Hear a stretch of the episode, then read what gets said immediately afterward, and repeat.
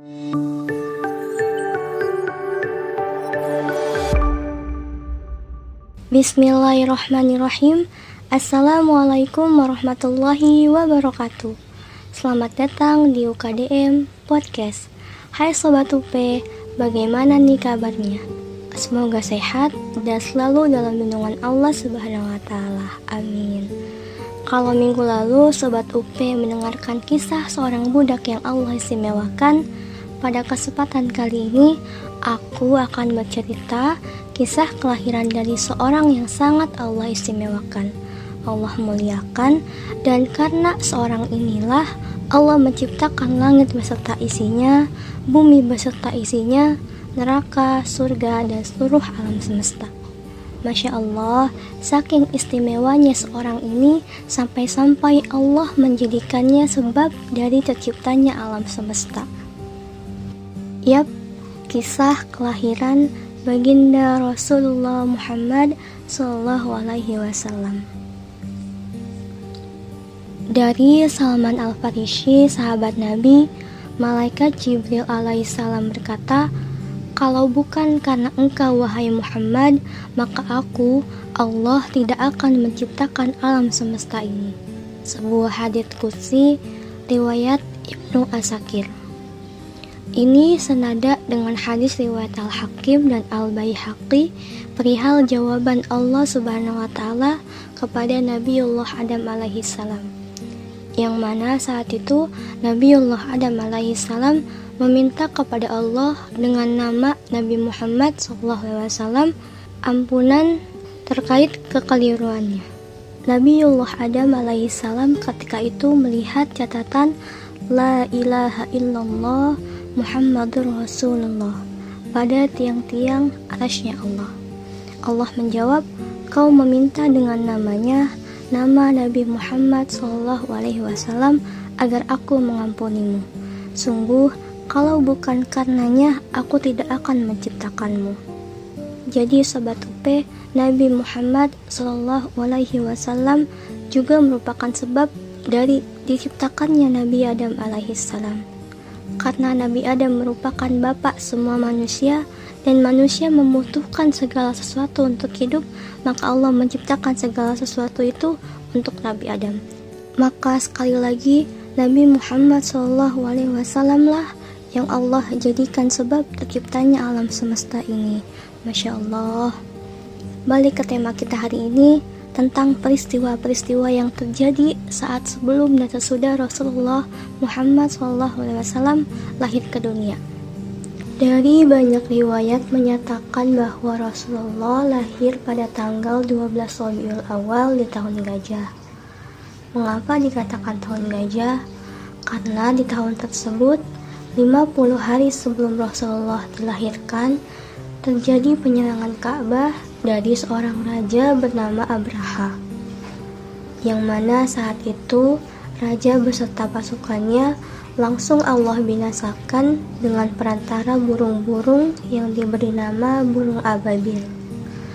Burung-burung tersebut membawa kerikil-kerikil panas dari neraka Lalu dijatuhkannya kerikil-kerikil tersebut kepada pasukan bergajah ini. Seperti firman Allah dalam surah Al-Fil bahwasanya pasukan bergajah Raja Abraha ini dijadikan oleh Allah seperti daun-daun yang dimakan ulat. Maka dari itu, tahun tersebut dinamakan tahun gajah. Dan Rasulullah Alaihi Wasallam lahir di tahun tersebut. Nah, sobat UP, Penyerangan tentara bergajah ini adalah peristiwa pertama sebelum Rasulullah SAW dilahirkan. Peristiwa yang selanjutnya adalah Ibunda Sayyidatuna Aminah bermimpi. Di dalam mimpi, beliau melihat bayi yang ada di dalam kandungannya itu menyebarkan cahaya, dan cahaya itu menyebar ke seluruh muka bumi. Dan di dalam mimpi itu, Ibunda Sayyidatuna Aminah didatangi oleh para malaikat dan para nabi terdahulu yang mana untuk mendoakan Sayyidatuna Aminah yang akan melahirkan seorang nabi yang memiliki sifat mulia dan agung. Menjelang kelahiran Rasulullah Muhammad SAW, Ibunda Aminah merasa tenang dan damai. Tidak ada kegelisahan, kesakitan, ataupun rasa takut. Dan tibalah di tanggal 12 Rabiul Awal 571 Masehi menjelang fajar. Malam itu, langit dipenuhi cahaya, terang benderang. Bulan purnama bersinar sangat terang sekali dan cahayanya seolah masuk ke sebuah rumah, rumah Sayyidatuna Aminah. Saat itu Allah mengirimkan empat wanita terbaik untuk menemani Sayyidatuna Aminah malam itu. Di antaranya pertama Hawa istri Nabi Adam, kedua Sarah istri Nabi Ibrahim, ketiga Asiyah binti Muzahim istri Fir'aun, dan yang keempat Maryam binti Imran ibunda Nabi Isa alaihi salam. Rasulullah Muhammad SAW lahir dalam keadaan bersujud, seolah berdoa kepada Allah. Lahir dalam keadaan sudah terkhitan dan tanpa dibebani oleh tali pusar. Sesaat setelah Rasulullah lahir, disusul dengan peristiwa-peristiwa yang seolah peristiwa ini menandakan bahwa malam itu lahir seorang nabi utusan Allah yang mulia. Malam itu ada gempa, tetapi gempa tersebut bukan gempa yang merugikan dan tidak menghancurkan, melainkan arasnya Allah bergetar hebat. Saking hebatnya guncangan tersebut sampai merubuhkan, menghancurkan patung-patung berhala yang ada di dalam Ka'bah. Abdul Muthalib yang menyaksikan rubuhnya patung-patung berhala pun terkejut dan patung-patung ini seolah bersujud kepada Allah atas kelahiran Rasulullah SAW. Karena guncangan tadi, 14 teras tiang istana Kisro di Persia roboh tanpa sebab. Pada malam itu juga, api majusi padam. Api yang disembah oleh kaum majusi di Persia, yaitu api yang tidak pernah padam selama ribuan tahun, malam itu padam. Sehingga orang-orang majusi pun bingung, ada peristiwa apakah ini? Orang-orang majusi berusaha untuk menyalakan api, namun tetap tidak bisa. Sumur Zam-Zam pun airnya bertambah banyak dan bertambah besar. Abdul Muthalib terharu bahagia ketika masuk ke dalam rumah melihat cucu kesayangannya telah lahir. Ia menggendong Muhammad kecil, dibawanya tawaf keliling Ka'bah dan memberikan nama Muhammad. Pada hari itu semua gembira, seluruh alam semesta bahagia, penduduk langit, bumi semuanya bergembira dengan lahirnya Nabi Allah Muhammad SAW. Saat itu jangankan manusia, hewan pun gembira dengan kelahirannya, kedatangannya. Kelinci-kelinci gurun pun turun, burung-burung bersautan menyambut, seakan memberi salam kepada Rasulullah SAW. Jangan pula hewan, malaikat pun bersujud kepada Allah atas kelahiran manusia yang paling mulia Rasulullah Shallallahu Alaihi Wasallam. Maka setiap hari Senin Allah ringankan siksa Abu Lahab dan dari jarinya keluar air sehingga bisa diminum airnya. Mengapa? Karena Abu Lahab gembira dengan lahirnya Rasulullah ponakannya. Saat itu budak Abu Lahab bernama Suwaibah membawa kabar bahwa ponakan engkau sudah lahir wahai Abu Lahab maka saat itu juga budak tersebut langsung dimerdekakan oleh Abu Lahab itu Abu Lahab yang tidak beriman kepada Nabi, memusuhi Nabi, mencaci maki Nabi, yang memerangi Nabi, yang pernah mencoba untuk membunuh Nabi, tapi karena pernah bergembira dengan lahiran Nabi, Allah meringankan azab dan siksanya setiap hari Senin. Bagaimana dengan kita? Sebagai umat beliau sudah sepatutnya lah kita gembira atas kelahiran Rasulullah. Dengan apa?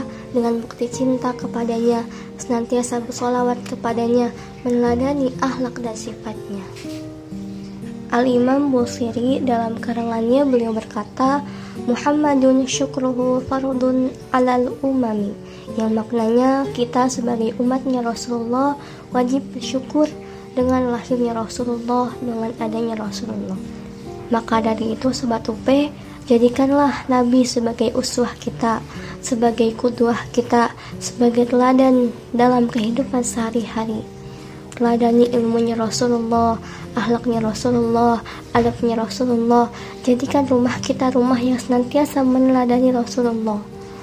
Jangan cuma bilang cinta tapi ujung-ujungnya malah ghosting. Emang kudunya kita ghosting ke dia, tapi jangan sampai kita ghosting ke baginda Rasulullah Shallallahu Alaihi.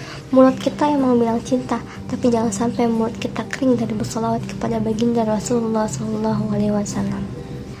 Sebelum mengakhiri podcast ini, kita solawat dulu kali ya, sebagai bukti cinta. Jadi bukan cuma bilang cinta terus ghosting.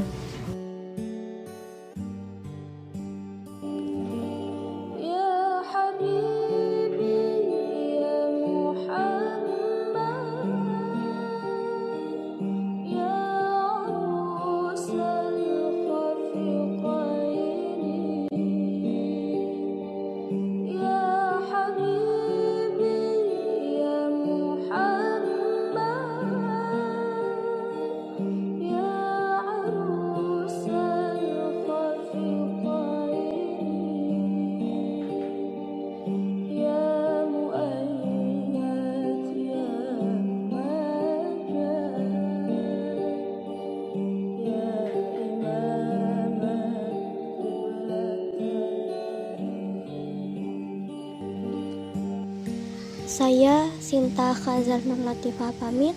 Wassalamualaikum warahmatullahi wabarakatuh.